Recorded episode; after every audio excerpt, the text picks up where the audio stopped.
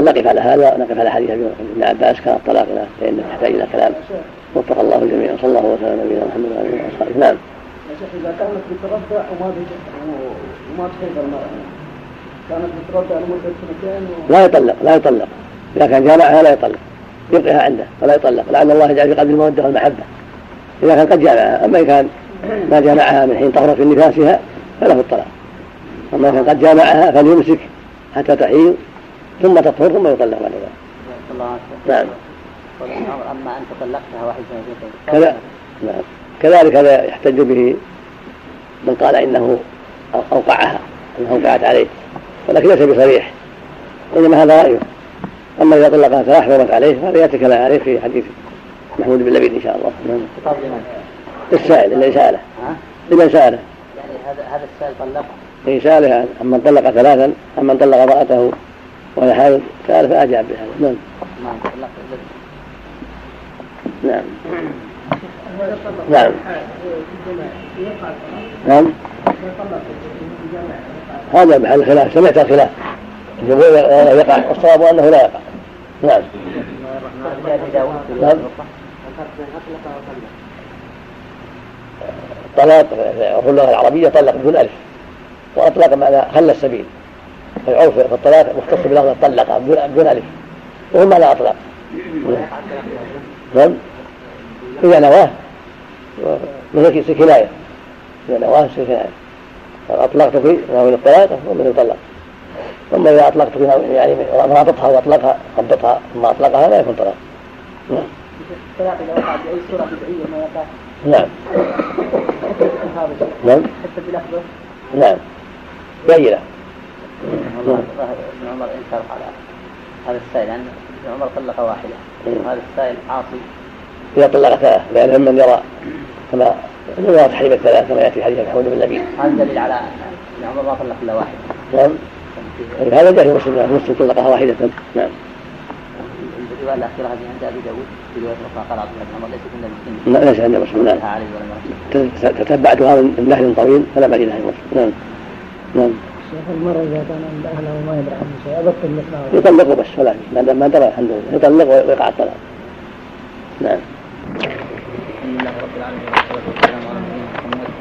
قال رحمه الله تعالى وعن ابن عباس رضي الله عنهما قال كان الطلاق على عهد كان الطلاق على عهد رسول الله صلى الله عليه وسلم وأبي بكر وسنتين من خلافه عمر طلاق الثلاث واحدة.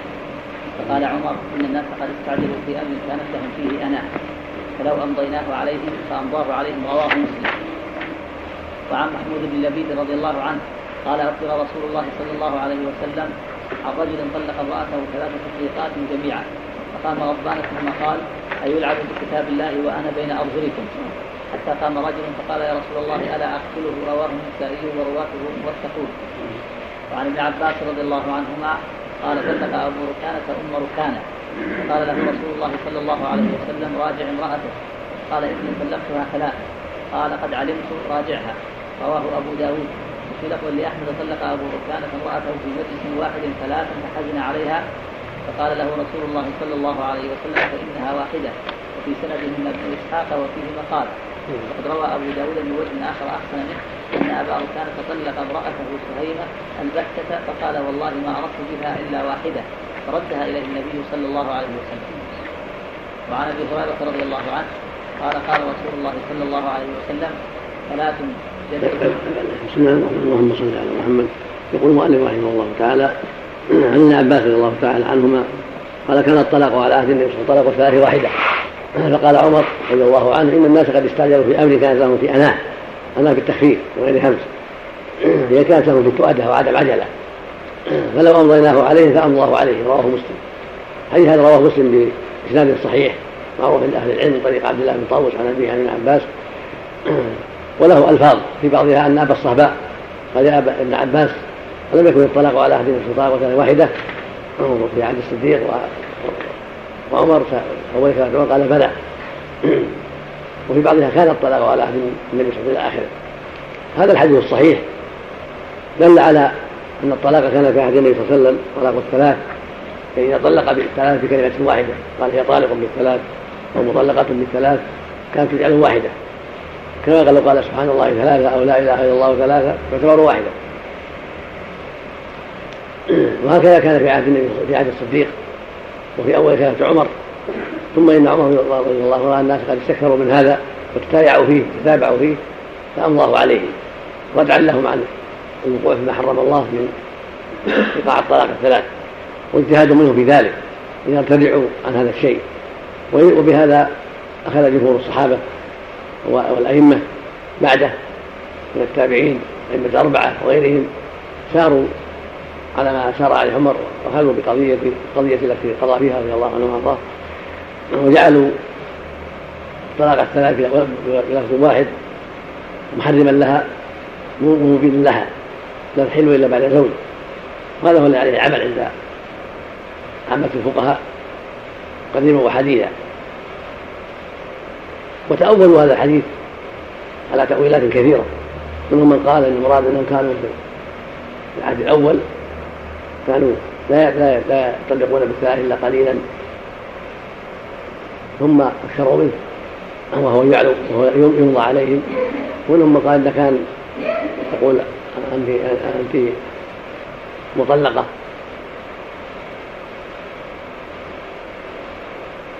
ويكثر منها انت مطلقة انت مطلقة انت مطلقة. ومنهم من رأى غير ذلك. فالحاصل أن انهم تأولوا هذا الحديث على عدة تأويلات. وليس شيء منها واضحا في المعنى. والأقرب والأظهر ما ذهب إليه ابن عباس في رواية عنه. وقال به جماعة من التابعين وذهب إليه ابن إسحاق صاحب السيرة وآخرون من أهل العلم وأختاره ابو العباس بن تيمية وابن القيم أنه على ظاهره وأنه كان الطلاق في عهد النبي صلى الله عليه وسلم وفي عهد الصديق وعهد عمر في أول خلافته. يجعل واحدة إذا تلفظ بثلاث ولا يكون متعددا إلا إذا كرره أما إذا لم يكرر فإنه يكون واحدا. لكن عمر لما رأى الناس اكثروا من هذا وابتايعوا فيه الله عليهم وجعله كما لو قال أنت طالق أنت طالق أنت طالق أو أنت مطلقه أنت مطلقه جعل الحكم واحدا. فأمضاه باللفظ الواحد كما يمضى لو كان بالتعدد. ولكن الاجتهاد يخطئ ويصيب. وامر الطلاق يترتب عليه أمور عظيمة من الفرقة وتفريق الشمل تفريق بين حبه ومحبوبه وبين والدين وأولاد فيترتب عليه صعوبات كثيرة ومشاق عظيمة. فلهذا اختار جمع من العلم أنه واحدة وأن الحال على عهد النبي صلى الله عليه وسلم وعهد الصديق. واول الفتوى هي التي ينبغي أن تبقى. وأن الاجتهاد الذي اجتهده عمر رحمه الله له وجهه في محله في وقته لما كان الناس يرتدعون وإذا نصحوا ينتصحون وإذا ذكروا يتذكرون. أما لما تغيرت الأحوال وصار إمضاؤها عليهم لا يردعهم ولا يمنعهم من ايقاع الطلاق فالمصلحة تقتضي جمع الشمل وعدم تفريق الشمل وهذا يمضي منه إلا واحدة فقط. وهذا هو الذي فعله النبي صلى الله عليه وسلم مع أبي ركانة. الحديث الثاني أن أبا ركانة طلق امرأته ثلاثا حزن عليها فردها عليه النبي فقال إنها واحدة. قال طلقتها فقد علمت راجعها راجعها. هكذا رواه أحمد في المسند بسند جيد ورواه أبو داود في سنده بعض مبهمين من هو مبهم من أولاد أبي رافع. ولكن سند أحمد جيد فان ابن إسحاق صرح بالسماع. قال حدثني داود بن حصين عن عكرمة بن عباس فزال ما يخشى من من التدليس. وهو رواه من طريق سعد بن إبراهيم بن يعقوب الزهري عن أبيه عن محمد بن إسحاق قال حدثني ابن بن حصين عن عكرمة بن عباس. هو سند جيد قائد تقوم بالحجة. ورواية غيره تعضل وتؤيد في قصه أبي وكانه وكلاهما يؤيد روايه ابن عباس التي رواها مسلم بأن الثلاثه واحدة. رجال واحدة في عهد النبي صلى الله عليه وسلم وعهد الصديق وعهد عمر في أول خلافته وأما قول المؤلف إن رواية أبي داود أحسن فليس بجيد. من رواية أحمد أصح وأولى. يعني رواية أبي داود في البتة فيها مجاهيل. والأمة لا تقوم بالحجة. ولو كانوا من أهل بيت أبي ركان فإن لا تقوم بهم الحجة لعدم عدالتهم فلا تكون فلا تكون الطريقة التي رواها أبو داود من طريق أولاد أبي ركان أحسن. رواية أحمد من طريق محمد بن إسحاق حدثني داود أجود وأحسن. وهذا هو الأرجح والأظهر أن الطلاق الثلاث في لفظ واحد يعتبر واحدة كما كان الحال في عهد النبي صلى الله عليه وسلم وفي عهد الصديق وفي عهد عمر. أما إذا كان مفرقا كان طالق ثم طالق أو أو أنت طالق ولا طالق ولا يريد تأكيدا ولا ولا إفهاما فهذا المعروف عند أهل العلم أنه يقع ولا أعلم من الصحابة ولا من بعدهم من قال بأن لا يقع إلا واحدة. تتبعت هذا كثيرا من دهر طويل فلم يقف عليه أحد من الصحابة ولا من التابعين. أنه نص على أن هذا داخل في الحديث هذا كان الطلاق ولا عهد النبي إلى آخره. وإنما هذا فيما إذا كان بشر واحد كما قال ابن عباس إذا كان بشر واحد قال أنت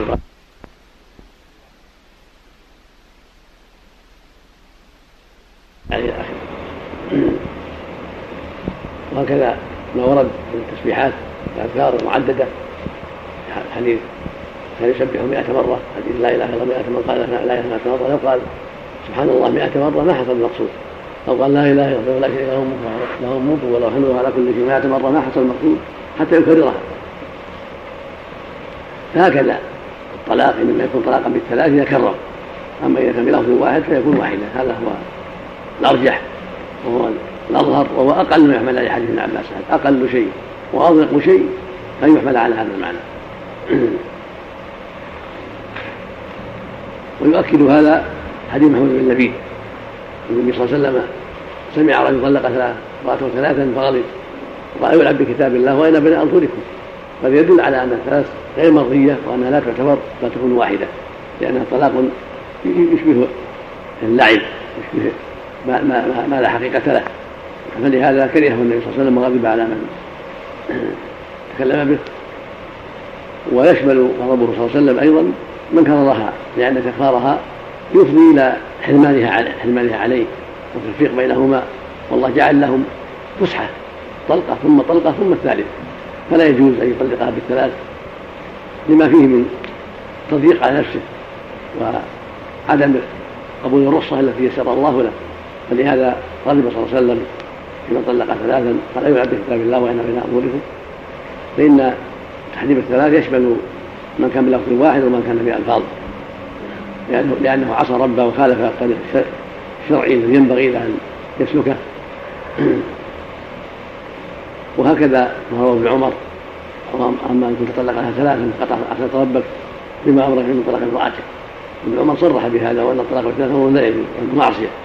فمن هذا وهذا أخذ جمع من أهل العلم تحريم الإيقاع الثلاث وهو مذهب أحمد رحمه الله وجماعة من أهل العلم قالوا إنه لا يجوز لما فيه من التضييق على نفسه وعدم قول الرخصة التي جعل الله له المراجعة فليس له أن يطلقها بالثلاث مكررا ولا بالثلاث بلفظ واحد لأن جمهور العلم جعلوها مبينة لها فينبغي له أن يحذر هذا وأن لا يدخل فيه حتى لا يقع في الخلاف.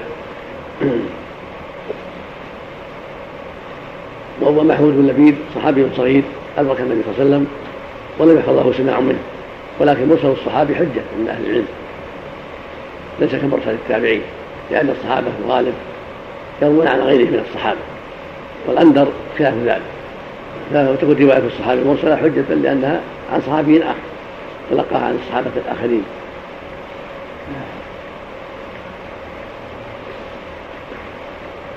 وأما حديث البتة وأن الرسول حلفه. وما أردت واحدة فقد ضعفه أحمد والجماعة. وقالوا إنه من رواية المجاهيل والصواب ما رواه ابن إسحاق في هذه المسألة انه طلقها ثلاثا. لا البتة. أما رواية البتة فليست بصحيحة عند أهل العلم. والبتة تحتمل. لو طلقها بكناية تحتمل فإنه يقبل قوله في ذلك. إنه ما أراد إلا واحدة. وإذا كنا نقبل قوله إذا قال طالق ثلاثا ما جعله واحدة فبالكنايه من باب أولى إذا نوى واحدة من باب أولى ولا حاجة إلى تحريفه حتى لو نوى ثلاثا لا لا تجعل إلا واحدة على الصحيح. خلافا للجمهور. فلو قال أنت طالق انت أنت بائن أو بتة أو بتلة أو ما أشبه ذلك فإنها تجعل واحدة كما لو قال أنت ثلاثا على الصحيح. ولو نوى ثلاثا. فإن النية أضعف من اللفظ. إذا كان لو صرح باللفظ تكون واحدة على الصحيح. فما كان بالنية من باب أولى أن يكون واحدة.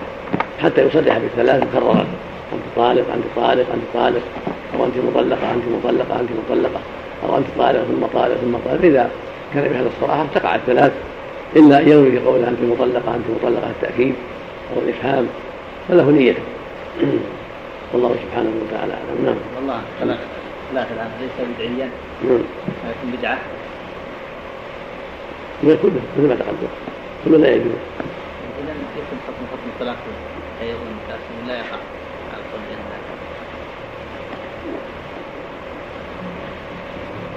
فيما إذا كان ثلاثا رد إلى السنة. إذا وقع ثلاث رد إلى السنة. فيعتبر واحدة لكن بقي أن يقال فيما إذا كرر. نعم. هذا محل البحث. إذا كرر قلنا كما يقول العلماء تقع. فكيف تكون معصية وتقع؟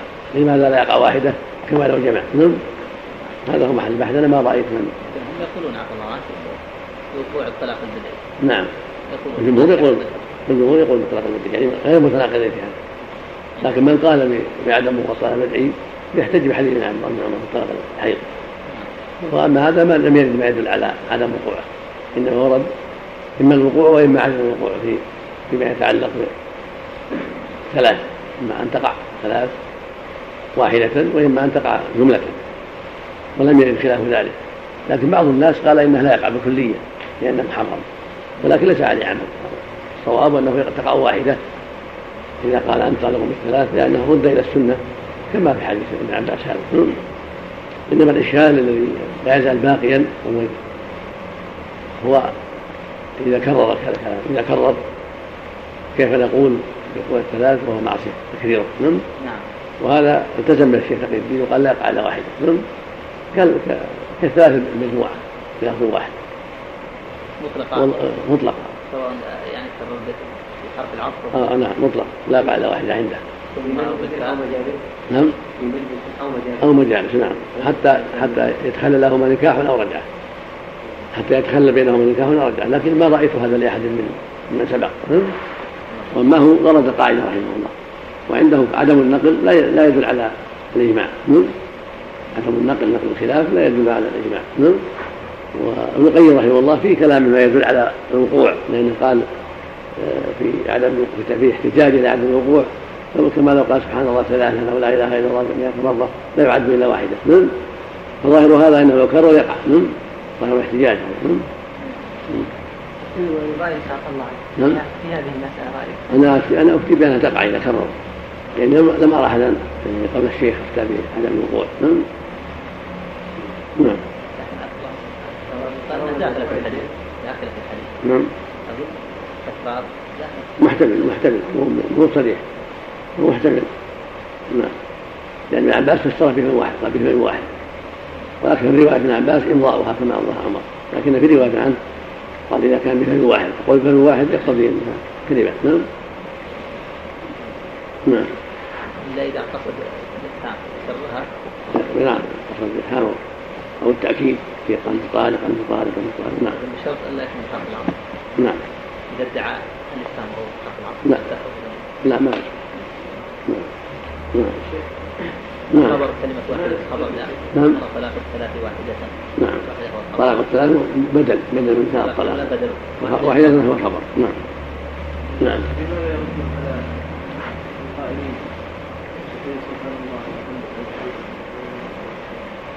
نعم. القائلين بحديث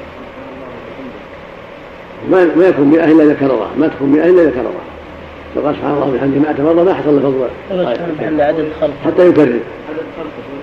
هذا مستقل. هذا ذكر مستقل. هو هذا ذكر مستقل. غير ذكر سبحان الله وبحمده 100 مرة. نعم. بسم الله الرحمن الرحيم. الحمد لله رب العالمين. نعم. لا ما ما في شيء لا ما تعرض ما جاء في رواية. تعرض لوقوعها وعدمه نعم. ولا ذكره. نعم. نعم. وعن أبي هريرة رضي الله عنه قال قال رسول الله صلى الله عليه وسلم ثلاث جد وهدهن جد النكاح والطلاق والرجعة. رواه الأربعة إلا النسائي وصححه الحاكم. وفي رواية لابن عدي من آخر ضعيف الطلاق والنكاح والعتاق. وللحارث بن أبي أسامة في حديث عبادة بن الصامت رفعة لا يجوز اللعب في ثلاث الطلاق والنكاح والعتاق. ومن قال ان فقد وجبنا وسنده ضعيف وعن أبي هريرة رضي الله عنه عن النبي صلى الله عليه وسلم قال إن الله تجاوز عن امتي ما حدثت به أنفسها ما لم تعمل أو تكلم. متفق عليه. وعن ابن عباس رضي الله عنهما عن النبي صلى الله عليه وسلم قال إن الله وضع عن أمة الخطأ والنسيان وما عليه. رواه ابن ماجه والحاكم وقال أبو حاتم لا يثبت وعن ابن عباس رضي الله عنهما قال إذا حرم الرجل امراته ليس بشيء. وقال لقد كان لكم في رسول الله أسوة حسنة. رواه البخاري رواه البخاري. ولمسلم عن ابن عباس إذا حرم الرجل امراته فهو يمين يكفرها. وعن عائشة رضي الله عنها بسم الله الرحمن الرحيم. اللهم صل على محمد. المؤلف رحمه الله. وعن أبي هريرة رضي الله عنه وسلم قال ثلاث جدهن جد وهن جد النكاح والطلاق والرجعة. ودخل أربعة إلى النسائي وصحابه الحاكم هذا الحديث يدل على أن هذه الثلاث لا لا هزل فيها وأن الواجب التحفظ وأن لا يتكلم إلا عن قصد ونية لا عن لعب وهزل. لأنها أمور عظيمة ترتب عليها أحكام عظيمة فلا ينبغي للعاقل أن يهزل بها. النكاح فإذا قال زوجتك والآخر قبلت وتوفرت الشروط وجب. ولو قال إني هازل وهكذا لو قال هي طالق أو أنت مطلقة وقع. طيب ولو قال إنه هازل إن هذا المقام ليس محل الهزل كذلك إذا قال راجعت امرأتي أو أنت مراجعة أو قد أمسكتها أو ما أشبه على طلاقه لها وقعت الرجعة أيضا. فلا لعب في هذا. ولا هزل في هذا. ورواية ابن عدي تؤيد الرواية الأخرى لكن زاد فيها بدل الرجعة العتاق. هكذا رواية الحازم بن أسامة عن عبادة بن الصامت. تؤيد رواية أبي هريرة لكن سندها ضعيف وفيها بدل الرجعة العتاق. وحديث أبي هريرة رضي الله عنه وأرضاه وأمثلها ولهذا هو المعتمد. ولكن العتق في المعنى أعظم من الطلاق فإذا كان الطلاق المبروك من الله يقع ولا ينفع فيه الهزل فالمحبوب إلى الله من باب أولى أن يقع ولا ينفع فيه الهزل وهو العتق فيكون رابعا. وإن كانت الرواية فيها ضعف لكن المعنى يعضد ذلك فإن العتق أمر محبوب إلى الله وقربة وطاعة. فلا ينبغي فيه التساهل واللعب والهزل. بل ينبغي فيه الجد لأنه شيء يتقرب به إلى الله ويقصد لما فيه من الفضل العظيم فلا يليق به الهزل وعدم الجدية. وحديث أبي هريرة هذا في سنده عبد الرحمن بن حبيب قد تكلم فيه بعضهم قال فيه النسائي منكر الحديث. وبقية رجاله لا بأس بهم ثقات الأئمة وقال فيه وعده ابن حبان من الثقات. قال فيه الحاكم إنه من ثقات المدنيين. والنسائي لم يوضح أسباب نكاره حديثه. فعلى هذا يكون ما قاله الحاكم وصححه الحاكم وأقره المؤلف ولم ينتقده هنا. هو الأوجه. وهو حديث ليس في رواته مطعن. وهذا الراوي المعين ليس هناك مطعن واضح سبب واضح في في روايته ثم اعتذر برواية عبادة بن الصامت. وان كان فيها ضعف واعتذر بالمعنى المعنى يؤيد ذلك الله جل وعلا أنكر على الهازلين وكفر من هزل في آياته وكتابه. فالهزل ليس محل مراعاة ومحل عطف بل محل إنكار ومحل إمضاء على صاحبه. الحاصل أن رواية أبي هريرة وإن كان في هدواتها ما سمعت فإنه متأيد بالمعنى العظيم الذي دلت عليه الشريعة في التحريم على الهزل في الأمور الشرعية وعدم الالتفات إلى صاحبها وابطال الحكم عليه قل بالله وآياته وكنتم تستهزئون. لا تعتذروا قد كفرتم بعد إيمانكم. فالهازل قريب من المستهزئ قريب من اللاعب وهذه امور لا يلعب فيها ولا يستهزأ بها ولا يهزل بها.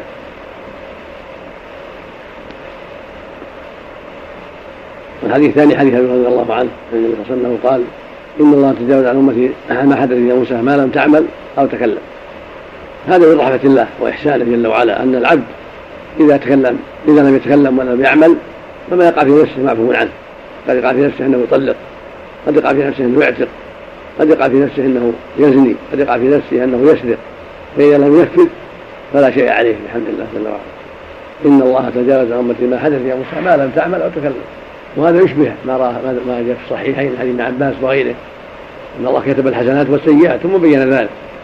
ومن هم بحسنة فلم يعملها كتب الله له حسنة. فان عملها كتب الله له عشر حسنات إلى سبعمائة ضعف. ومن هم بسيئة فلم يعملها لم لم تستوى عليه. ولكن كتب له حسنة لأنه تركها من جراء. هذا يدل على أن الهم بالحسنات ينبع ويؤجر عليه. أما الهم بالسيئات من دون عمل فيعفى عنه.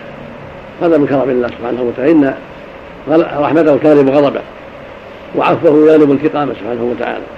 فلهذا نفع كتب للعبد الهم بالحسنة الحسنة ولم يكتب لمن هم بالسيئة بالسيئة بل عفى عنه.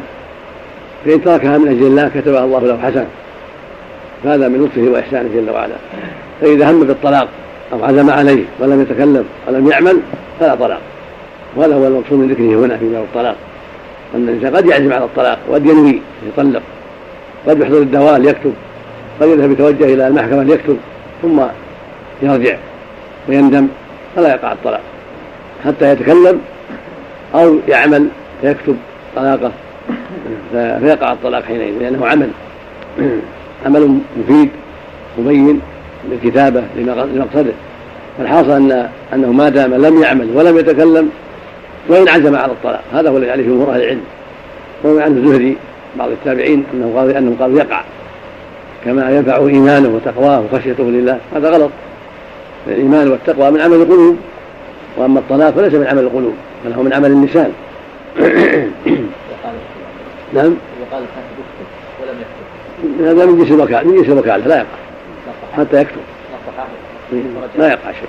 قال اكتب أو أنت وكيلي للطلاق فلم فلم يطلق لا يقع. حتى يتكلم الوكيل حتى يوقعه الوكيل أو حتى يوقعه الكاتب حتى يكتب الكاتب لأنه معنى الوكالة. وهكذا لو عزم في نفسه أنه يراجع أو أنه يعتق أو أنه يضرب فلانا أو يقتل فلانا أو يسرق ماله. كل هذا معفو عنه حتى يفعل. هذا من لطف الله سبحانه وتعالى. والحديث الثالث حديث عباس عن النبي صلى الله عليه وسلم انه قال وفي اليوم خطأ والنسيان واستكرهوا عليه. ابن ماجه والحاكم وقال أبو حاتم لا يثبت. الحديث هذا عند العلم ضعيف. وقد حسنه النووي رحمه الله في الروضة وفي الأربعين آه، مراعاة لشواهده في المعنى فإن له شواهد من القرآن والسنة في المعنى فلهذا حسنه. وابو حاتم والجماعة كأحمد بن حنبل رحمه الله الجماعة قالوا لا يثبت بل هو مخالف للنصوص. وأرادوا بهذا انه مخالف لقوله جل وعلا في ديات مغفر من خطأ فكان قوله المؤمنة فألزمه بالعتق وبالدية وهو قتل خطأ. ولكن لا منافاة. ولا يرد عليه هذا فإن الرسول صلى الله عليه وسلم بين لنا أن العبد لا يؤاخذ بما نوى حتى يعمل ويتكلم. هكذا إذا أخطأ أو نسي قال الله جل وعلا وليس عليكم جناح ما أخطأتم به ولكن ما تعمدت قلوبكم. سبحان ربنا لا تؤاخذنا إن نسينا أو أخطأنا. وصح الرسول أنه قال قد فعلت. قال الله تعالى قد فعلت. قال الله نعم. فدل لا لعل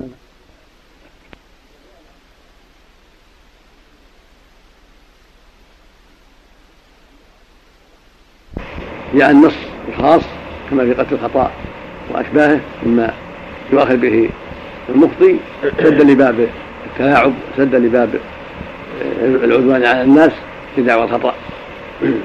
والمقصود أن أصله هو ما دل عليه حديث وله شواهد من القرآن العظيم والسنة المطهرة فالأصل أنه معفو عنه فإذا أكل ناسيا في رمضان يحسب أنه نسي الصيام فأكل أو شرب فصومه صحيح. كذلك إذا ساهى في صلاته أو غلط في صلاته أخطأ في صلاته ولم يتعمد لم تبطل صلاته كمن قام مع الإمام يحسب أنه يلزمه القيام إذا قام في خامسة لجهله أو جلس وهو يلزمه القيام جهلا. فهذا له شواهد كثيرة فيما يتعلق بالجهل والخطأ والنسيان. كذلك في الحج إذا تطيب ناسيا أو جاهلا أو غطى رأسه جاهلا أو ناسيا على شيء. فالمقصود أنه في الحكم بالإجماع. غلط وقع من نسيان أو خطأ. أما في الأحكام فالأصل أنه لا يؤخذ بالأحكام إلا ما قام عليه الدليل. ما قام عليه الدليل أخذ به كما في قتل الخطأ. وإتلاف الأموال والصيد على قول الجمهور وما أشبه ذلك. عند الجمهور يلزم وقوله في قول آخر لأنه قال متعمدا نص القرآن والجمهور قالوا إن هذا كان أن هذا منسوخ في أخذ الله سبحانه وتعالى العبد بقتل الخطأ وهذا من باب الإتلاف وهو محل نظر هذا في الصيد لأنه ليس حق آدمي ليس من جنس قتل بني آدم. أمر الصيد أمر أوسع. القول بعدم المؤاخذة به خطأ ليس بالبعيد الناس لا يقاس على ابن آدم. وهو قياس بعيد ودخوله تحت العموم أوجه وأظهر فيما يظهر من جهة المعنى. وأما الإكراه فالإكراه معلوم جاء به النص من القرآن. من كفر بالله من الإيمان إلا من يكره قلبه مطمئن بالإيمان. فالأمر فيه أوضح فإذا كان الإنسان إذا تكلم بكفر مكرها لا يؤخذ. فإذا تكلم به بالطلاق أو بالعتق مكره فمن باب أولى. الحديث له شواهد كما عرفت من القرآن والسنة. وإن كان سنده ضعيف من حيث السند لكن من حيث المعنى معناه قويم والنصوص تدل عليه تدل عليه ولا يصل الأخذ به إلا ما خصه الدليل الحديث الرابع حديث ابن عباس إذا حر الرجل امرأته ليس بشيء ثم تلا قوله تعالى لقد كانت رسول حسنه في البخاري وفي مسلم وهو يمين يكفرها. رواية رواية رواية ابن عباس هاتان تفسر إحداهما الأخرى. المعنى أنه إذا حرمها ليس ليس بطلاق ولا يحرمها بل عليه كفارة يمين حكم حكم اليمين. لقوله تعالى يا أيها النبي لم تحرم ما حرمت من رأت أزواجك والله غفور رحيم. قد فرض الله حلة أيمانكم. هذا قول جماعة من العلم. والمسألة فيها خلاف كبير. سرد على ابن القيم رحمه الله أقوال الناس في إعلام الموقعين وبسط المقام في ذلك. والمؤلف أشار الشارح السبل صاحب السبل أشار إلى ذلك واختار قول من قال أنه ليس بشيء إلا إذا كان في يمين فعليه كفارتها. وهذا محل نظر والذي في الآية الكريمة إنما هو ما جرى للنبي صلى الله عليه وسلم إما من تحريمه مارية وإما من جهة تحريمه العسل. أو حلفه على مارية بأنه لا يعود إليها فشرع الله له كفارة اليمين. فإذا كان واقع من جهة وقع النبي صلى الله عليه وسلم ففي كفارة اليمين. والله نهى أنكر عليه تحريم ما أحل الله له إما من جهة مارية الجارية أو من جهة العسل الذي تظاهرت عليه عائشة وخاصة في أمره. فالمقصود أنه صلى الله عليه وسلم إما أن يكون حرم كما هو ظاهر النص العسل أو مارية أو مع ذلك حلف أن لا يقربها أو يشرب العسل بعد ذلك الذي فيه الذي فيه الرائحة التي قالوا أنها رائحة كريهة وأن أن أن نحله رعت العرف رائحة غير جيدة. هذا مثل ما جاء بالحديث فيه كفارة اليمين. وهكذا إذا حرم الحلال بأن قال عليه حرام يأكل طعام فلان أو لا يقرب جاريته أو لا يكلف فلان. هذا ليس له التحريم ولا يجوز له التحريم كما أنكر الله تعالى النبي صلى الله عليه وسلم. والله لم يبح لنا أن نحرم الحلال قال لا تحرموا طيبات ما أحل الله لكم فلا يجوز للمؤمن أن يحرم ما أحل الله له لكن متى وقع ذلك منه؟ فعليه كفارة اليمين كما وقع النبي صلى الله عليه وسلم في هذا المعنى. أما تحريم الزوجة فليس من جنس تحريم الطعام والشراب ونحو ذلك ولهذا الأرجح فيه أنه من جنس الظهار. الظهار فيه كفارة معروف فالمظاهر حرمها حين قال هي علي كظهر أمي معناه هي حرام. يعني حرام كظهر أمي. فإذا قاله صريحا قال أنت علي حرام أو زوجتي علي حرام مطلقا هكذا من غير تعليق فهذا يجلس الظهار فالاقرب فيه إنه يحرم يحرم عليه تحريم الظهار فعليه كفارة وتحل له. وقوله منكر لا يجوز لكن متى قاله؟ مع كونه منكرا لزمته كفاره عقوبة له على إقدامه على هذا المحرم. هذا هو الأظهر في هذا المعنى. أما إذا قال حرام عليه إن فعل كذا أو إن كلم فلانا فلقوا في هذا أنه أنه حكم حكم اليمين. لأنه حينئذ إنما أراد منع نفسه من هذا الكلام أو من لقاء فلان أو من سفره إلى كذا أو ما أشبه ذلك. وفصل هذا المعنى الشيخ الإسلام تيمية وابن القيم رحمة الله عليهما وبين ان المعلق الذي يراد به الحث والمنع والتصديق والتكذيب هذا حكم حكم اليمين. كما جاء عن جماعة من السلف. أما إذا كان تحريما مطلقا مثل علي حرام مثل علي خضر امي سواء أو علي إرحام حرام إذا دخل رمضان أو إذا قدم أبوها أو ما أشبه ذلك مما ليس فيه حث ولا منع. فهذا حكم حكم الظهار هذا هو الأظهر فيه والأقرب. والله جل وعلا أعلم. سم نعم. ابن عباس مطلق ما فصل مقيد نعم. ظاهر كلام ابن عباس مطلقة نعم. لا يجعل ما يجعله في الظهار في اليمين فقط. وهذا قول جماعة من العلم على ما قال ابن عباس مطلق نعم من دون تفريق نعم. معلقا أو مطلقا نعم. اظهر عندي والله أعلم هو التفريق. نعم. نعم. كما قال ابن القيم الاسلام وجماعه أو نعم. واجب من واجبات الحج هل يسقط النسيان الواجب لا يسقط مثل ما لم يسقط الصلاة. الواجب يؤدى. نعم. أو يجبر بالسجود السهو كما فالواجبات تجبر بما شرع الله. نعم. لكن يسقط عنه الإثم. نعم. لأن أحكام الصلاة دلتنا على أن السهو لا يسقطها. نعم. وإنما يسقط الإثم. نعم. يا شيخ وأنتم بما في وصف وتخفيف يأتي البحث نعم. وقع ذلك. نعم. نعم. رجل رزق مولودة فزار واحد نعم. رجل رزق مولودة بنت فزار واحد أقاربه وقال هذه لفلان. فقال أنا موافق بطريقة هل يقع؟ هذا؟ إذا حضره شاهدان يقع. إذا حضره شاهدان قال هذه هذه لك قصده النكاح.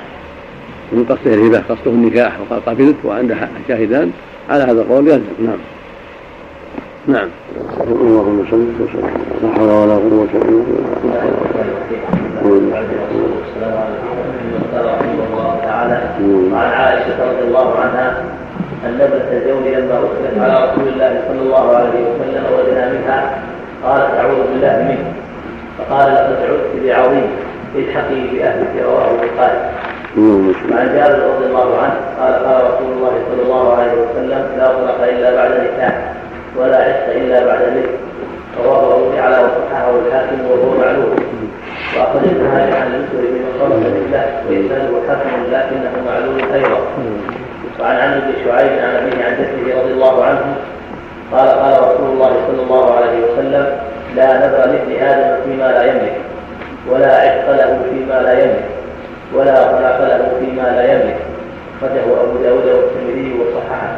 ونقل عن البخاري أنه أصح فيه وعن عائشة رضي الله عنها عن النبي صلى الله عليه وسلم قال رفع القلم عن ثلاثة عن النائم حتى يستيقظ وعن الصغير حتى يكبر وعن المجنون حتى يعقل أو يفيق رواه أحمد والأربعة إلا الترمذي وصححه الحاكم وأخرجه ابن بسم الله الرحمن الرحيم. اللهم صل وسلم على رسول الله وعلى آله وصحبه. أما بعد هذه الأحاديث لها تعلق بالطلاق وسبق في الباب أحاديث كلها تعلق بالطلاق. وسبق في الحديث الأول أن الطلاق مغرور من الله وأن ابغض الحلال الله الطلاق ولكنه مع ذلك من رحمة الله ومبغوض من الله وتركه أولى مهما أمكن إلا إذا دعت إليه الحاجة. فهو من رحمة الله أنه سبحانه لم يجعل المرأة غلا في عنق الرجل ليس له التخلص منها بل جعل له طريقا إلى التخلص. إذا لم تحصل المودة والمحبة والرحمة ولم يحصل الوئام ليرزقها الله غيره ويرزقه غيرها. وإن يتفرقا يغني الله كل من سعته وكان الله واسعا حكيما.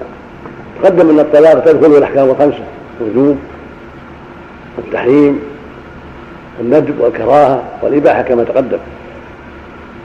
هنا حديث بنت عائشة من أبي قصر بنت الجول النبي صلى الله عليه وسلم لما تزوجها وادخلت عليه ودنا منها قالت أعوذ بالله منك. قال لقد عدت بمعاذ. في بعض لقد عدت بعظيم الحقي بأهلك. رواه البخاري. هذا يدل على أنه صلى الله عليه وسلم طلق كما طلق غيره. فكما أن غيره من الأمة يطلقون. هكذا هو أيضا نكح وطلق عليه الصلاة والسلام. والطلاق سنة الله في عباده. وبالرجون هذه من كندة من قحطان وصلت له أهداها إليه أبوها كما جاء في عدة روايات وصفها له بحسنها فقبلها صلى الله عليه وسلم وتزوجها وجيء بها إليه كما روى البخاري في الصحيح. ويقال إن بعض النساء لما رأوا حسنها وجمالها خدعوها وقالوا لها إنها تحظى عنده إذا قالت أعوذ بالله منك. كما روى جماعة كابن سعد وجماعة فقال ذلك. فطلقها بقولها الحقي بأهلك. روى البخاري في الصحيح حديث أبي سعيد أبي سعيد الساعدي أنه صلى الله عليه وسلم تزوجها فلما جيء بها قالت هذا الكلام فقال الحقي بأهلك. فذكر ابن عبد البر رحمه الله الإجماع على أنه تزوجها أنها ردت إليه بعدما تزوجها وذكر الحافظ الفتح عن ابن عبد البر انه إجماع أهل العلم انه إنها ادخلت عليه بعدما تزوجها. احتج العلماء بهذا على أن الحقي باهلك كناية يقع بها الطلاق كسائر الكنايات وأنه لا يلزم صريح الطلاق بل يجوز أن يكون الطلاق بكنايات دالة على معنى. فهذه كناية دالة على معنى. وقد تكون غير كناية إذا لم يرد بها الطلاق مثل ما قال كعب بن مالك لما جاءه المندوب من الرسول صلى الله عليه وسلم حينما هجروا هجره وصاحباه قال إن الرسول يأمرك أن تعتزل أهلك فلا يطلقها أم ماذا؟ قال بل تعتزلها. فقال لها الحقي باهلك حتى يقضى الله بهذا الأمر. فكان هذا ليس طلاق إنما هو اذن لذهاب إلى اهلها وهكذا الكنايات تكون على حسب نية صاحبها. وفي هذا جوده وكرمه عليه الصلاة والسلام ورحمته وعدم شدته في هذه الأمور فإنها لما استعاذت منه قالت أعوذ بالله منك. تكرم عليها وتركها عليه الصلاة والسلام. ولم يشد في طلبها أو يقول أنا الحق الحق عليها لأنها زوجتي. كما يفعل بعض الناس. بعض الناس إذا ساءت الحال بينه وبين زوجته شد عليه الأمر وابتغى لها كل شر ولم يزل يعاكسها ويؤذيها ولا يقبل شيئا من الصلح ولا يقبل شيئا من الفداء. ليش تكرهني؟ ليش تبغضني؟ ليش تعافني؟ هذا من الغلط ينبغي أن يكون سمحا جوادا كريما. إذا لم يكتب بالله الوئام الحمد لله الطلاق باب مفتوح واسع أو المخالعة ولا حاجة إلى الإيذاء والتشدد وتعطيل المرأة وتعطيل نفسه ولهذا لما ساءت الحال بين ثابت بن قيس وامرأته وجاء النبي جاءت النبي صلى الله عليه وسلم قال لها اتودين حديقته؟ قال نعم قال أقبل الحديقة ولم ينشزها ويعطلها سنوات كما يفعل بعض الناس لا ينبغي هذا ينبغي الحاكم أن ينظر الأمر ومتى اتضح سوء الحال بينهما يصلح بينهما إما بأن يتكرم الزوج بالطلاق مطلقا أو يقبل الفداء. أما التعطيل فلا يسمى مصلحة الجميع. إلا إذا كان هناك رجاء في الوئام وظن القاضي أنها مخدوعه وانها ستفيق فلا بأس بالمدة اليسيرة التي يظن في الأمر وتمتحن الحال ولا إلى العجلة. لكن تركهما المده الطويله من أجل إرضاء الزوج ومن أجل عناد الزوج ليس بلايه ولا يوافق سنته صلى الله عليه وسلم ولا يوافق ما فعله مع ثابت بن قيس واهله بل الأولى الكرم والجود وأن من عافك تعافه وتتركه ولا تعطله. بعض الناس إذا ساءت الحال بينه وبين زوجته شد عليه الأمر وابتغى لها كل شر. ولم يزل يعاكسها ويؤذيها ولا يقبل شيئا من الصلح ولا يقبل شيئا من الفداء. ليش تكرهني؟ ليش تبغضني؟ ليش تعافني؟ هذا من الغلط ينبغي أن يكون سمحا جوادا كريما. إذا لم يخلو بالله الوئام فالحمد لله الطلاق باب مفتوح واسع أو المخالعة ولا حاجة إلى الإيذاء والتشدد وتعطيل المرأة وتعطيل نفسه. ولهذا لما ساءت الحال بين ثابت بن قيس وامرأته وجاء إلى النبي جاءت النبي صلى الله عليه وسلم قال لها أتردين عن حديقته؟ قال نعم قال أقبل الحديقة. ولم ينشزها ويعطلها السنوات كما يفعل بعض الناس. لا ينبغي هذا ينبغي الحاكم أن ينظر الأمر ومتى اتضح سوء الحال بينهما يصلح بينهما. إما بأن يتكرم الزوج بالطلاق مطلقا أو يقبل الفداء. أما التعطيل فليس من مصلحة الجميع. إلا إذا كان هناك رجاء في الوئام وظن قاضي أنها مخدوعة وأنها ستفيق فلا بأس بالمدة اليسيرة التي ينظر فيها في الأمر وتمتحن الحال ولا حاجة إلى العجلة لكن تركهما المدة الطويلة من أجل إرضاء الزوج ومن أجل عناد الزوج ليس بلاية ولا يوافق سنته صلى الله عليه وسلم ولا يوافق ما فعله مع ثابت بن قيس وأهله. بل الأولى الكرم والجود وأن من عافك تعافه وتتركه ولا تعطله. فالأمر إلى الله والله يقول سبحانه وإن يتفرقا يغني الله كل من سعته. والامور لها حد محدود وليس كل أحد يلائم من يخطبها ومن تدعى إليه. قد تكون الاخلاق غير متلائمة. والله يكتب المودة والإنفاق لمن يشاء. والبغضاء لمن يشاء هو على كل شيء سبحانه وتعالى. وفي الحديث الثاني حديث جابر وحديث مسور وحديث عبد الله بن عمرو. هذه الثلاثة تدل على أنه لا طلاق إلا بعد الملك بعد النكاح وأن الزوج إذا طلق قبل أن يملك المرأة فلا طلاق له. وظاهر الأحاديث العموم وأنه لا فرق بين المنجز والمعلق. ولا شك أن المراد المعلق المنجز لا يخفى على أحد أنه لا يقع. لا يخفى على العقلاء فضلا عن أهل العلم. ولا يقول عاقل انه إذا قال فلان مطلقة ان تكون طالق وهي ليست زوجة له. ولا يقال فلان حر وهو عبد الله. ولا إذا قال نظر علي أن يذبح ناقة فلان أو شاة فلان تقربا إلى الله. المقام في هو في المعلق أظهر لأن لأن المنجزات ما يخفى أمرها وأنها لعب لا وجه لها ولا يتوهم عاقل أن طلاقه لامرأة ليست في عصبته ولم يعلق طلاقها أنه شيء واقع. فإذا قال لامرأة بنت فلان أنت طالق. غير زوجته اعتبره العقلاء لاعبا وهازلا وسفيها. أو قال لعبد فلان أنت حر. يقصد عتقه. هذا لا يخفى على أحد.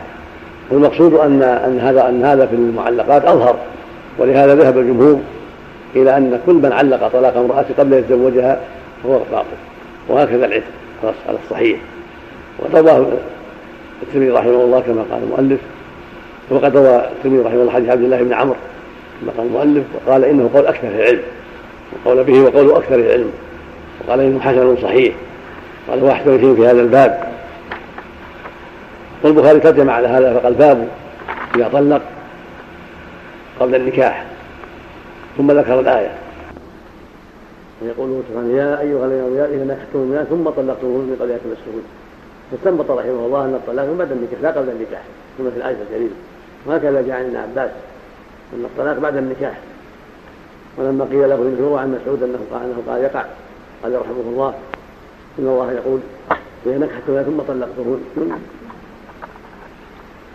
المقصود أن حديث مسبر حديث جابر حديث عبد الله بن عمرو كلها دالة على أن الطلاق المعلق لا يقع. معلق على امرأة لم لم يتزوجها لم يتزوج فلانة فهي طالق. وهكذا إذا قال إذا ملكت فلانا فهو حر. أن هذا الصواب وأن هذا لا يقع. لأنه تعليق قبل أن يملك فهو كالانجاز كما أن الناجز لا يصح فالمعلق لا لا يصح. لأنه علق وهو لا يملك فلا يصح ولا يقع ذلك وهذا من رحمة الله وإحسانه إلى عباده. فذهب بعض إلى أنه إذا عين من قبيلة معينة أو عين شاء المرأة قال تزوجت فلانة أو تزوجت من بني فلان فهي طالق. أما إذا عمم قال كل امرأة تزوجها فهي طالق فلا. وهذا التفصيل لا دليل عليه ولا وجه له والصواب أنه لا يقع مطلقا. وهكذا العتق على الصحيح. وهكذا النذر على الصحيح. فإذا قال إذا ملكت فلانا فهو حر. أو إذا ملكت الحديقة الفلانية فهي نذر لله الصواب أن هذا كله لا يقع لأنه علقه وهو في غير ملك. زاد أبو داود في روايته ولا نظر لابن آدم إلا فيما يبتغي به وجه الله. ولم يذكر لا نظر لابن آدم ما يملك فإنما هذا اللفظ ذكره المؤلف ولفظ الترمذي رحمه الله. وابن ماجه لم يذكر الفاظ التي ذكرها من هنا وإنما ذكر الطلاق فقط ولم يسق المتن كله حديث عبد الله بن عمرو. فإنما ما ذكره المؤلف يطابق رواية الترمذي وقد روى ابن ماجه بعضه ولهذا لم يعزم المؤلف ابن ماجه لأنه إنما روى بعضه وهو ما يتعلق بالطلاق فقط. وإسناده عندهم جيد صحيح. شواهده كثيرة. قلنا حديث جابر وإن كان قد عله بعضهم بالإرسال ولكن القاعدة أن الحديث أرسله ثقة ووصله ثقة فلا يترجح رواية المرسل. رحمه الله. بل الصواب أن ترجح رواية من وصله. وقد وصله ثقة فيكون معتمدا. وهكذا رواية المسور. هذا جيد عند ابن ماجه. التعليل بأن بأن قد روي عن غير الزهري من طريق آخر لا يقدح فالحاصل أنه حديث جيد صحيح من جهة تعدد طرقه حسن من جهة فرد أفراد كل إسناد وهو صحيح معتمد. والحديث الرابع حديث الحديث الخامس حديث عائشة. النبي صلى الله عليه وسلم قال رفع القلم عن ثلاثة عن النهي حتى يستيقظ. والمجنون حتى يعقل أو يفيق والصغير حتى يكبر. هذا أيضا من لطف الله ورحمة الله لأن هؤلاء ليسوا من أهل التصرف. الصغير لم يستكمل العقل حتى يتصرف تصرفا مستقيما والمجنون لا عقل له.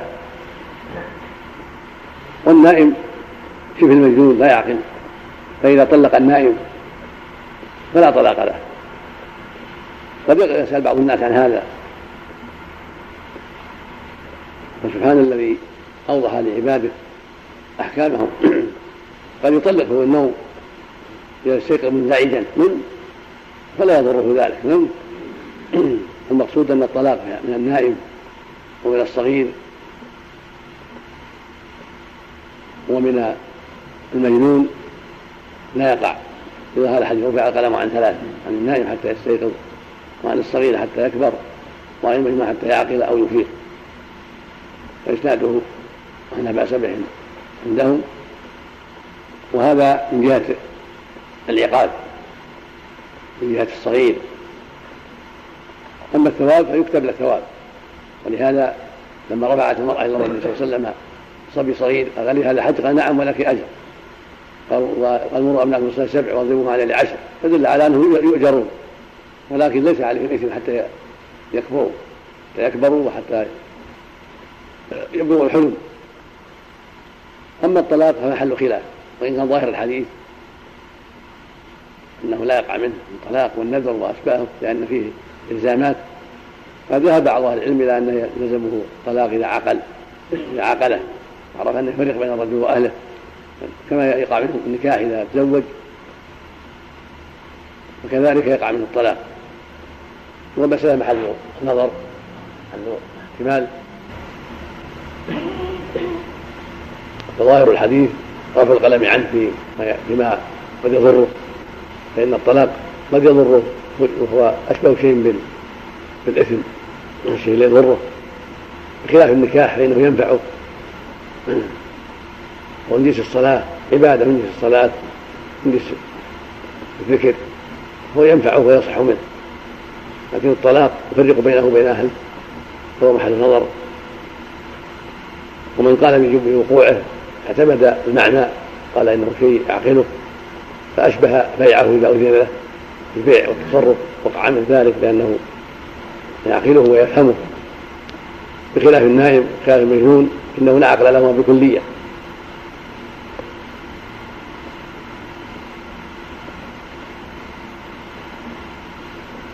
فإني توقف في موضوع صحة الطلاق منه نعم لا في الحال ينفذ في الحال. ولكن فيه هذا نظر نسأل الله يحتاج إلى مزيد عناية إلى وقت آخر إن شاء الله. نعم. نعم. نعم.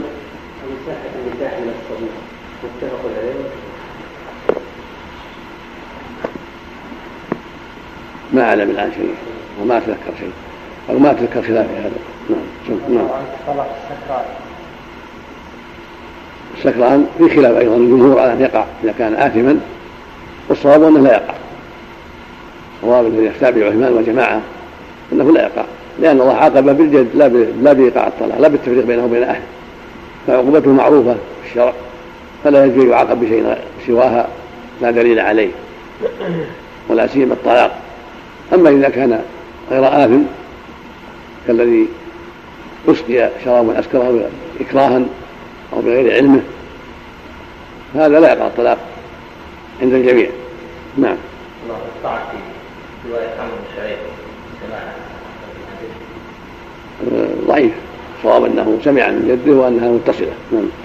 كما تقدم غير مرة. نعم. يكون الرؤيا مرسلا ومتصلا نعم. نعم. عمر بارك الله فيك يعني جعل الثلاث واحدة عقوبة لمن استطاع فيه فلا يكون السكران هذا تكون عقوبة له في عمل هذا. الذين قالوا بإيقاعها قال إنها عقوبة. هذا هذا وجه قالوا نعم. ولكن العقوبة محددة في الشرع بالجلد بالحد الشرعي. نعم. فلا يزيده عقوبة أخرى بغير دليل تفرق بينه وبين أهله. نعم. المحاكم عندهم دليل النص يقولون بالنص. اجتهاد من باب الاجتهاد. نعم. شيخ ما يدرك المحاسب على المرأة. مجتهدون الله يعفو عنا وعنهم نعم. ولي الصغير نعم. ولي الصغير يعني له حقية في الصلاة نعم. ولي الصغير يعني له حقية مثل أن يمضي الطلاق أو إذا كان يضر الصغير مثلا لا يعقل عند ضرر لا أعلم حجة في هذا في خلاف حق الوالد هل يطلق على ولده أم لا محل نظر. والأولياء الآخرون وأبعد من هذا نعم. لكن الأقرب والله أعلم أنه لا يطلق عليه. نعم. المريض الذي يهدي أحسن الله. عنه نعم. المريض يهدي بالطلاق. المريض الذي لا حكم المجانين ما يقع طلاق. كان يهدي والشيبة الكبير يخرف مثل ما ما يقع طلاق. والمريض الذي زال عقله بسبب المرض لا يقع طلاق. نعم. نعم.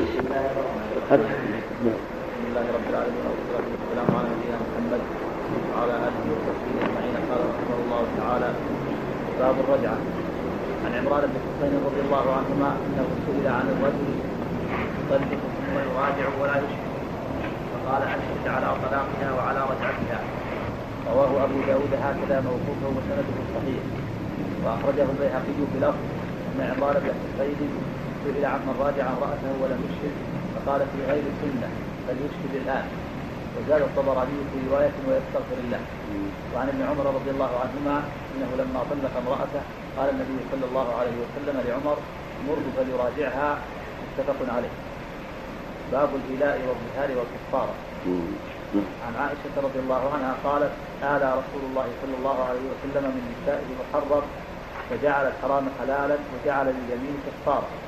رواه الترمذي ورواته ثقات وعن ابن عمر رضي الله عنهما قال إذا مضت أربعة أشهر وقف المولي حتى يطلق ولا يقع عليه الطلاق حتى يطلق أخرجه البخاري.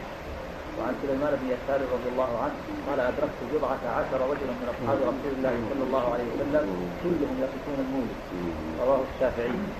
وعن ابن عباس رضي الله عنهما قال كان كان إيلاء الجاهلية السنة والسنتين فوقت الله أربعة أشهر. فإن كان أقل من أربعة أشهر فليس بإيلاء. أخرجه البيهقي. بسم الله الرحمن الرحيم اللهم صل وسلم على رسول الله وسلم أما بعد. هذا كتاب الرجعة. والرجعة مصدر رجع الرجل امرأته رجعة أو في المصدر بمعنى ردها. إلى الزوجية من الأعمال الزوجية. وإلا فهي زوجة. هذا معنى أنه ردها إلى حالها الأولى وأمسكها على حالها الأولى لأن الطلاق شائع في النكاح ويغدر عليه ويشوشه فالرجعة ترده إلى حاله الأولى وتزيل ما حصل من الشعث والتغير. وهي بحمد الله جائزة ومشروعة للمؤمن إذا رأى المصلحة في ذلك. والحجة في هذا قوله جل وعلا ما ذكر الطلاق وبعولتهن أحق بردهن في ذلك. في الطلاق الرجعي وأشار إلى هذا في قوله سبحانه لا تدري لأن الله يحدث بعد ذلك أمر في سورة الطلاق. فإذا رأى المصلحة شرع له أن يراجع وإن رأى المصلحة في عدمها تركها ولم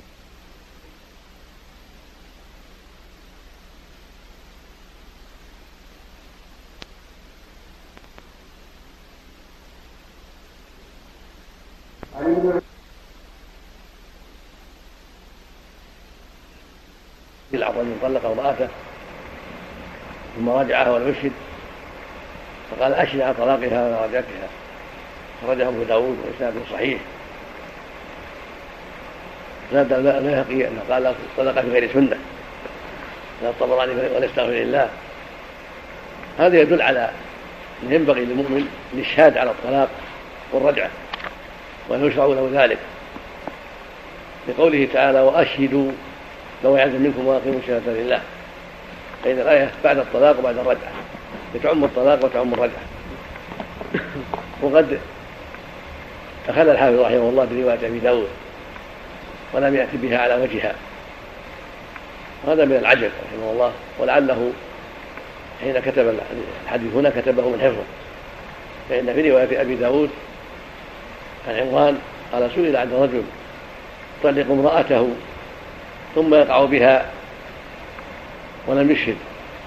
فقال عمران طلقت في غير سنة وراجعت في غير سنة فأشهد على طلاقها وعلى رجعتها ولا تعود. فحدث المؤلف وقد طلقت في غير سنة وراجعت في غير سنة ونسب هذا للبيهقي. وموجود في سنة أبي داود. سنده صحيح كما قال المؤلف. هذا يدل على أنه أملاه من حفظه والله أعلم. ظن أن غير سنة ليست في أبي داود. قد راجعتها في نسختين نسخة العون ونسخة المثل فهي هكذا ويحتمل أنها أنها أن النسخة التي كان عندها ليس فيها هذا الشيء محتمل والمقصود أن رواية أبي داود فانها فيه أن عمران قال للسائل طلقت في غير سنة ورجعت في غير سنة فأشهد على طلاقها وعلى رجعتها ولا تعود. هذا يدل على شرعية الاشهاد على الطلاق والرجعه وذكر ابن التركماني في جوال النقي نقل عن الطحاوي لما ذكر هذه الرواية قال إنه ليس بين أهل العلم خلاف في أن الإشهاد سنة لا واجب. وقال الطرقباني أيضا إن هذا مثل قوله وأشهد ولا تبعته وأنه متى جاء معه حصل المقصود. ونقل هذا عن جماعة من السلف. فالسنة أن يشهد على الطلاق وعلى الرجعه فإن طلق ولم يشهد وقع الطلاق عند أهل العلم ولا نعلم في خلاف بين أهل العلم. وإن راجع وقع الطلاق وقعت الرجعة أيضا وإن لم يشهد لكنه ترك السنة. وإذا جمع بنية الرجعة وقعت الرجعة أيضا. فرجعوا منها العلم ولو بغير نية متى راجعها وقعت الرجعة أيضا لأنها أبلغ من الكلام. الجماع أبلغ.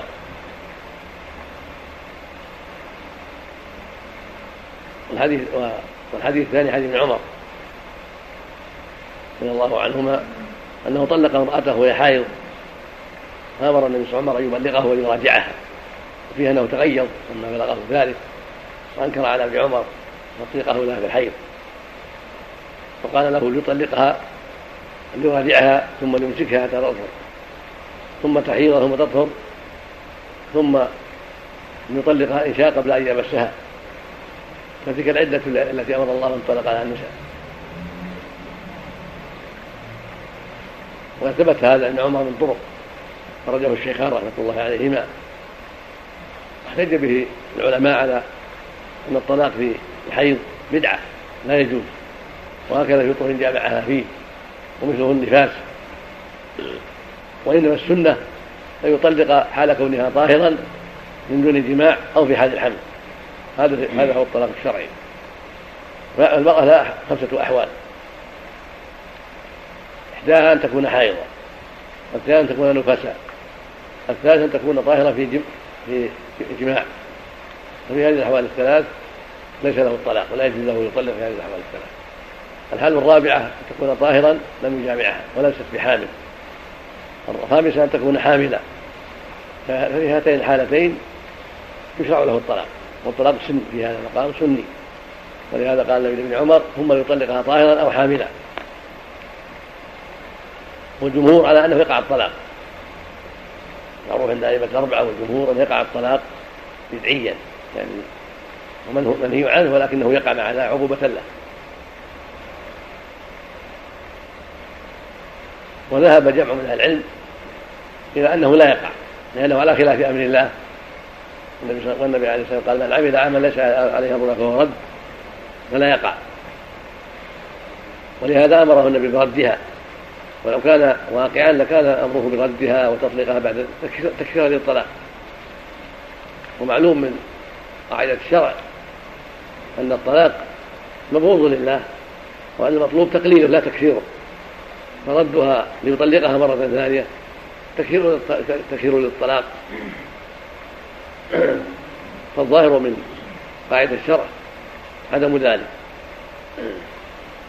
وقد شبث الجمهور بقوله فليراجعها قال فالرجعة تكون عن طلاق. قال الآخرون على فليراجعها فلا ردها ليس مراد الرجعة الاصطلاحية مراد الرد. مثل ما قال النبي لبشير بن سعد لما أعطى ابنه النعمان الغلام قال ارجعه. فالمراد رده. فالمراد هنا بيقول نراجعها إلى ردها إلى حالها الأولى إلى إلى عصمته إلى سكنه إلى كونها زوجة له وليس المراد الرجعه المعروفه التي تقع بعد الطلاق. ومما يدل على هذا أنه لم يستفصله عن الطلاق ولم يقل له هل سبق هذا طلاق. فلو كان الطلاق واقعا لاستفصله قال كم طلقت؟ وهل مضى لك طلاق؟ جاء في بعض الروايات عند مسلم طلقها واحدة. لكن الرسول لم يستفصله عند الفتوى. ومعلوم أن المفتي يستفصل لابد من استفصال. هذه الواحده قد تكون قبلها طلقتان فتحرم عليه. هذا يدل على أنه غير واقع. عدم الاستفصال كونه محرما عليه. هذا يدل على أنه غير واقع وبهذا قال ابن عمر نفسه في رواية عن صحيحة رواها محمد بن السلام الخشني بإسناد جيد وصحيح أنه جاء فقال يا أبا عبد الرحمن إن طلقت امرأتي وهي حائض. قال لا تعتد بها. أو لا يعتد بها. وقاله طاووس من كيسان يمانية أحد التابعين المشهورين أصحاب ابن عباس. وقاله خلاص بن عمرو الهجري من التابعين المعروف. واختاره أبو العباس بن تيمية بن القيم وجماعة من أهل العلم. وبعضهم حكى هذا القول إلى الرافضة والخوارج لكن ليس بصحيح. هم قالوا بهذا لكن معهم جماعة من أهل السنة. وهذا هو الأقرب والأظهر عدم وقوعه.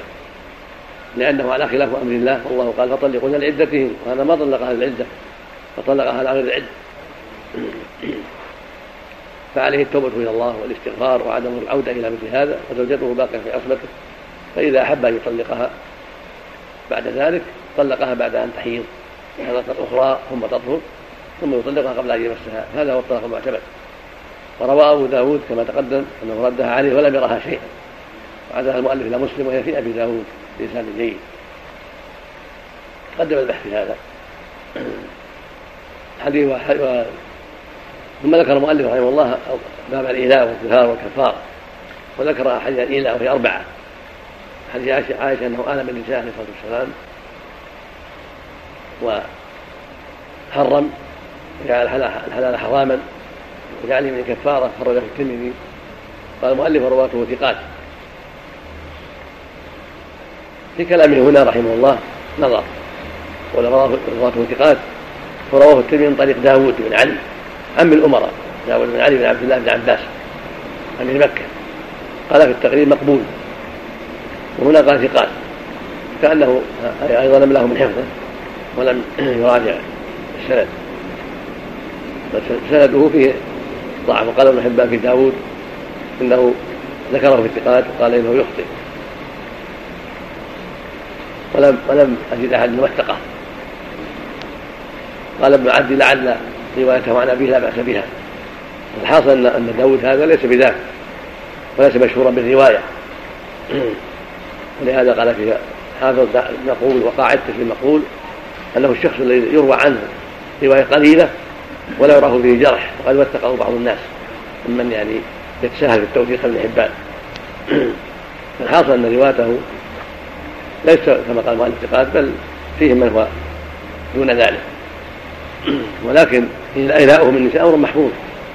في الصحاح أنه آل من النساء شهرا عليه الصلاة والسلام واعتزلهن فلما مضى الشهر نزل عليه الصلاة والسلام وكان بسبب قيامهن في في طلب النفقة وتشديدهن في النفقة فآل منهن. ثم خيرهن الله بعد ذلك كما في آية الأحزاب. يا أيها النبي قل لأزواج الآية.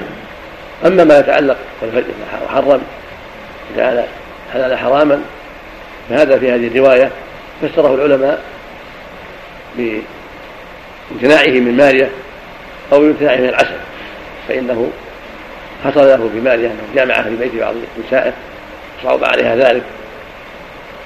فحلف أنه لا يأتيها أو حرم أنه يأتيها على اختلاف الروايات وكذلك العسل كذب عسلا عند زينب وتظاهرت عليه حفصه وعائشه في ذلك وقالوا إن هذا عسل في رائحة من طيبة.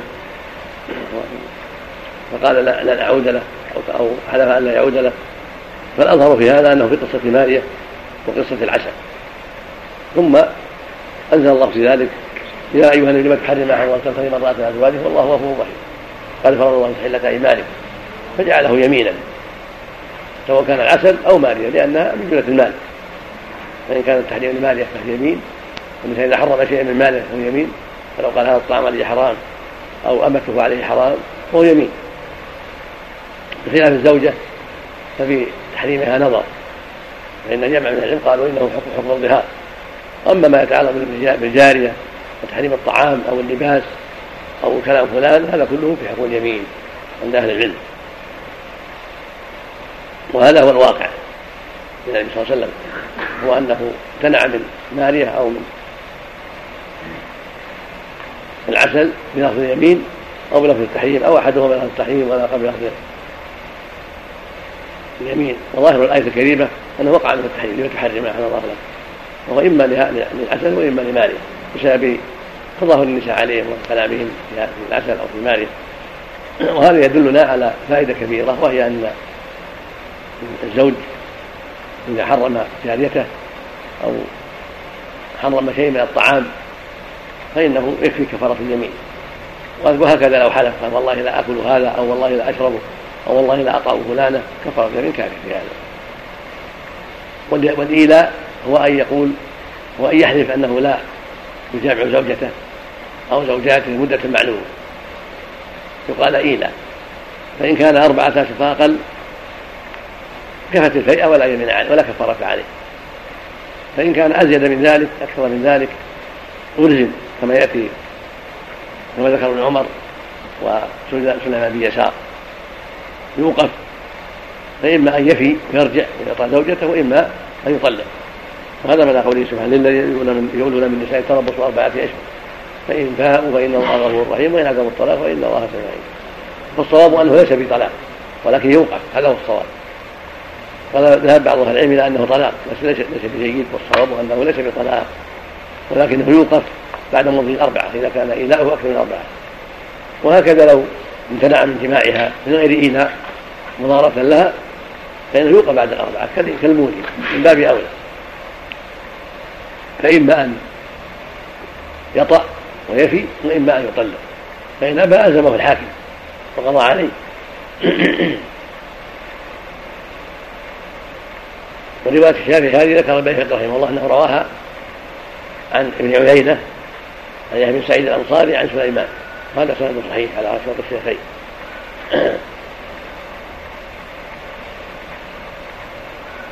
الحديث الرابع حديث ابن عباس كان إذا جاهل السنة والسنتين وجعله الله أربعة أشهر كانت الجاهلية تؤذي النساء وتضارهن بالإله وغيره والظهار وغيره. فجعله الله أربعة أشهر وبعد الأربع يوقف فإما أن يفي وإما أن يطلق. وذكر أبو داود رحمه الله في سنة عن ابن عباس أنهم كانوا في أول الإسلام يطلقون كثيرا. وليس له حد محدود. وإن أراد أن يضار المرأة طلق ثم راجع ثم طلق ثم راجع وطلق ثم وهكذا كلما أشرفت على نهاية العدة راجع فيؤذيها ويضارها. فنسخ الله ذلك. وحصل الطلاق في ثلاث. وأنزل قوله سبحانه الطلاق مرتان. هكذا رواه أبو داود بإسناد جيد عن ابن عباس في نسخ الطلاق إلى ثلاث. وهذا من رحمته سبحانه وتعالى ولطفه للمسلمين بالرجال لئلا يتلاعبوا وبالنساء لئلا يضرهن الرجال في هذا المقام. وجعل سبحانه الطلاق ثلاثة فقط. إذا طلق له الرجعة ثم إذا طلق له الرجعة ثم إذا طلق الثالثة فلا رجعة له. لقوله سبحانه فإن طلقها فلا تحل بعد يعني بعد الطلقتين الآية. الله أعلم. نعم, نعم. ابن عباس إذا حرمه بشيء تقدم أن الصواب أنه مراد يعني أنه يمين مكفرة. الرواية مطلقه محمولها روايه مقيده وهذا قول جماعة من العلم. وآخرون قالوا إنه إذا حرمها من غير تعليق يصدر من المنع حث والمنع هذا يكون مثل الظهار. أما إذا كان عن تعليق يصدر من الحث والمنع كان انت حرام فعلت كذا أو ان كلمت فلانا أو ما أشبه ذلك هذا يكون حكم حكم اليمين. لأنه ما أراد تحريمها وإنما أراد منعها. وهذا هو اختيار شيخ ابن تيمية وابن القيم وجماعه إذا أطلق إذا أطلق فالاظهر إنه حكم حكم الظهار حرام. نعم. كلام ابن عباس ما يتناول هذا؟ نعم. ظاهره ابن عباس يتناوله. نعم. لكن ظاهر النصوص خلاف ذلك. نعم. هذا. نعم. لأن, لأن الرسول صلى الله عليه وسلم ما فعل هذا مع نساء فعل مع الجارية ولقد كان الرسول حسنة. هذا في الجارية لا في لا في النساء. ما ثبت أنه حرم امرأة من النساء عليه الصلاة والسلام. نعم. يعني الأظهر في هذا أنه إذا حرم كظهر. لا ما انت أنت علي كظهر امي لا أنت علي حرام هذا معنى أنت. كظهر امي المراد أنت علي حرام إذا علمت يعني إذا كان على سبيل المنع. نعم. أما إذا كان تعليق لا يشبه المنع هي انت علي حرام إذا دخل رمضان. فحكم حكم الظهر نعم. نعم. نعم. نعم. نعم. كتب له كاتب طلاق بدون أن إذا كان أمره بذلك. بدون أن نعم إذا أمره. كما لو, كتب بيده. وإن كانت لأهلها ولا يعلم هذا نعم نعم كما كان ما كان النبي يستفسرهم إذا كان لا يستطيع هناك مثلا جفوة أو هناك شيء. النبي صلى الله عليه وسلم لما جاء خبر الطلاق بحفص لفاطمة لم يستفسر أمضى طلاقه. نعم. إذا لم يعلم يمضى الطلاق حتى يعلم. نعم. الرجع الطلقة الأولى والثانية والثالثة الرجع. نعم. لا رجع إذا طلق الأولى لا رجع الطلقة الثانية. ولا رجع الثالثة بعد أم لا؟ لا ما لها رجع. ما فيها رجع. نعم. الله في حديث عائشة هنا. فجعلت حراما حلالا. فجعلت حلالا حراما. قال رسول الله صلى الله عليه وسلم وحرم فجعل الحرام حلالا. وجعل اليمين يعني استحل استحل ما حرمه وكفر جعل حكم حكم اليمين. حلالا. يعني استحل. يعني, يعني استحله وجعل من كفار. جعله هذا إن صحت اللفظه أقول لك انه نفر داود بن علي هذا. نعم؟ إن صحت فالمراد يعني إنها استحله يعني استباحه بالكفاره نعم؟ نعم. نعم. نعم. عليه كفارة عليه كفارة. إذا أخل بها إذا أخل باليمين عليه كفارة. إلا يكون في له اليمين كان ما قصده. جرى في لسانه من غير قصد. هذا هو له اليمين. إذا كان في له اليمين لا. أما إذا كان شيء مقصود يلتزم الكفارة نعم. الله عمل إذا أنه عاد قبل مدة عليه كفارة أي نعم. قبل المدة اللي عينها قال والله لا أطعك شهرين. ثم عاد قبل عليه كفارة نعم. طيب إذا قال عليه الحرام والصلاة المرأة. تبقى الصلاة ولا إذا أطلق فهو فهو إذا أراد أطلق عليه الحرام وعليه الطلاق يقع الحرام ويقع الطلاق. طلقة واحدة والتحريم حكم الظهار. أما إذا قع عليه الطلاق وعليه الحرام أنه ما يكلم فلان. هذا حكم اليمين إذا كان قصد منع نفسه من كلامه. الصحيح أنه لا حكم اليمين كما اختار ذلك ابو العباس ونصره بن الوجود وقيم قاله جماعة والجمهور يرون يقع مطلقا. نعم. نعم. يقع تقع الثلاث إلا إذا أراد افهاما أو أو تاكيدا. نعم. إذا انتهت المدة الله ولم يطلق لها حق المطالبه نعم. إذا انتهت مدة الايلاء لها حق الطالب أما ان يفي وإما يطلق. بسم الله الرحمن الرحيم. الحمد لله رب العالمين. والصلاة والسلام على محمد وعلى اله رحمه الله تعالى. وعن ابن عباس رضي الله عنهما. أن رجلا ظهر من امرأته ثم وقع عليها. فأتى النبي صلى الله عليه وسلم فقال إني وقعت عليها قبل أن أكفر. قال فلا تقربها حتى تفعل ما أمرك الله به. رواه الأربعة وصححه الترمذي ورجح النسائي إرساله. ورواه البزار من وجه آخر عن ابن عباس وزاد فيه تكفر ولا تعد وعن سلمة بن صخر رضي الله عنه قال دخل رمضان فخفت أن أصيب امرأتي فظاهرت منها فانكشف لي منها شيء ليلة فوقعت عليها. فقال لي رسول الله صلى الله عليه وسلم حرر رقبة فقلت ما أملك إلا رقبتي قال فصم شهرين متتابعين قلت وهل أصبت الذي أصبت إلا من الصيام؟ قال أطعم فرقا من تمر ستين, ستين مسكينا أخرجه أحمد والأربعة إلا النسائي وصححه ابن خزيمة وابن الجارود.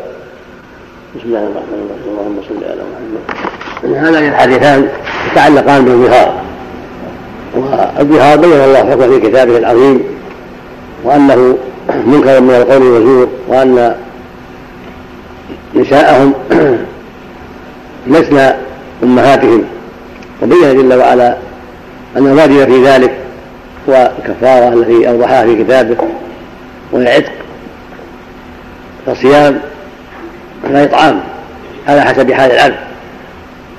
فالعتق مقدم ثم الصيام عند العجز ثم الإطعام قبل التماس. وفي حديث ابن عباس هذا أن رجلا ظهر من امرأته ثم وقع بها قبل أن يكفر فذكر ذلك النبي صلى الله عليه وسلم فأمره أن يكفر وأن لا يعود. يعني حتى يكفر. هذا يدل على أن الواجب على المؤمن أن يحذر ذلك وأن لا يقربها حتى يكفر. ومتى قريبها فإن كفارها تسقط بل هي ثابتة وباقية تستقر عليه. ولهذا في الرواية كفر ولا تعود. قد أن بعضهم كالنسائي حديث ابن عباس هذا بالإرسال ورواه أبو داود وغيره مرسلا ومتصلا مرسلا عن عكرمة ومتصلا عن ابن عباس. وكلاهما جيد. والمرسل شاهد للمتصل. والمتصل جيد أيضا. وسبق لنا غير مرة أن قاعدة المعتمده عند أئمة التحقيق من أئمة الحديث أن من وصل من الثقات مقدم على من أرسل.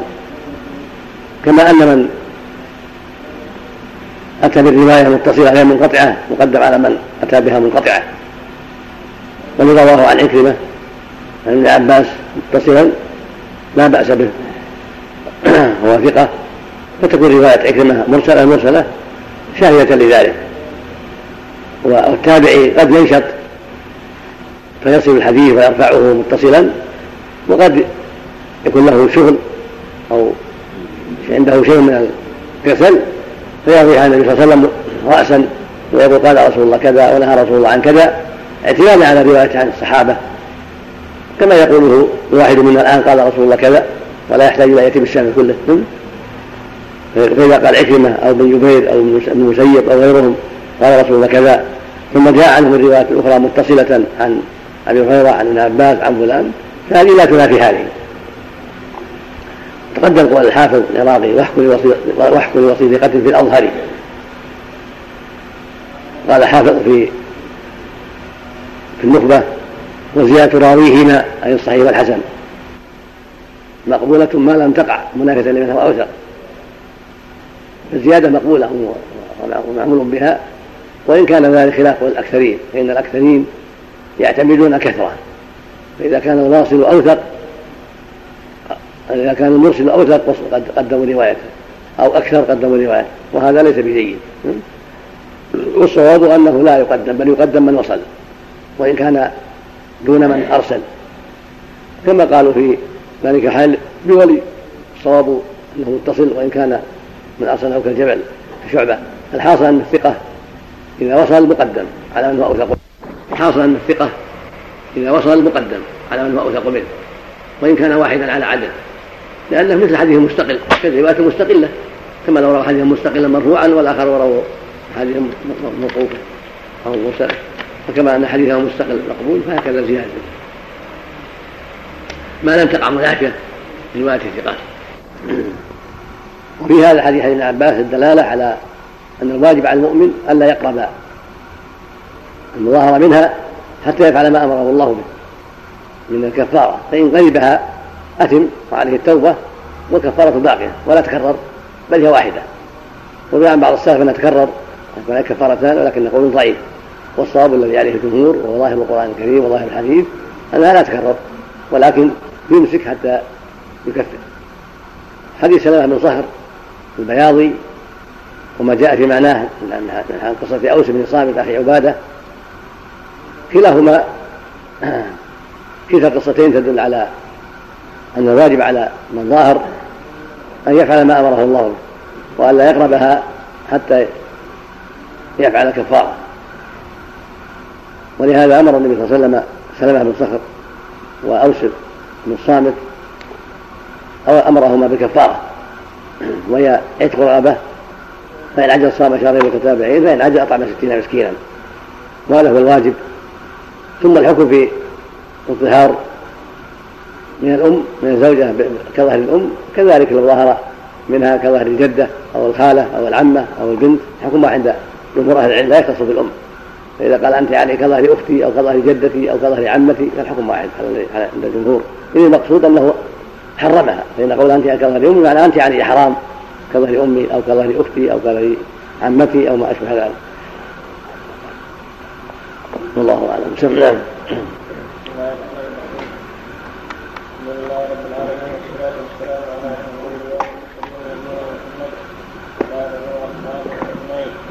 قال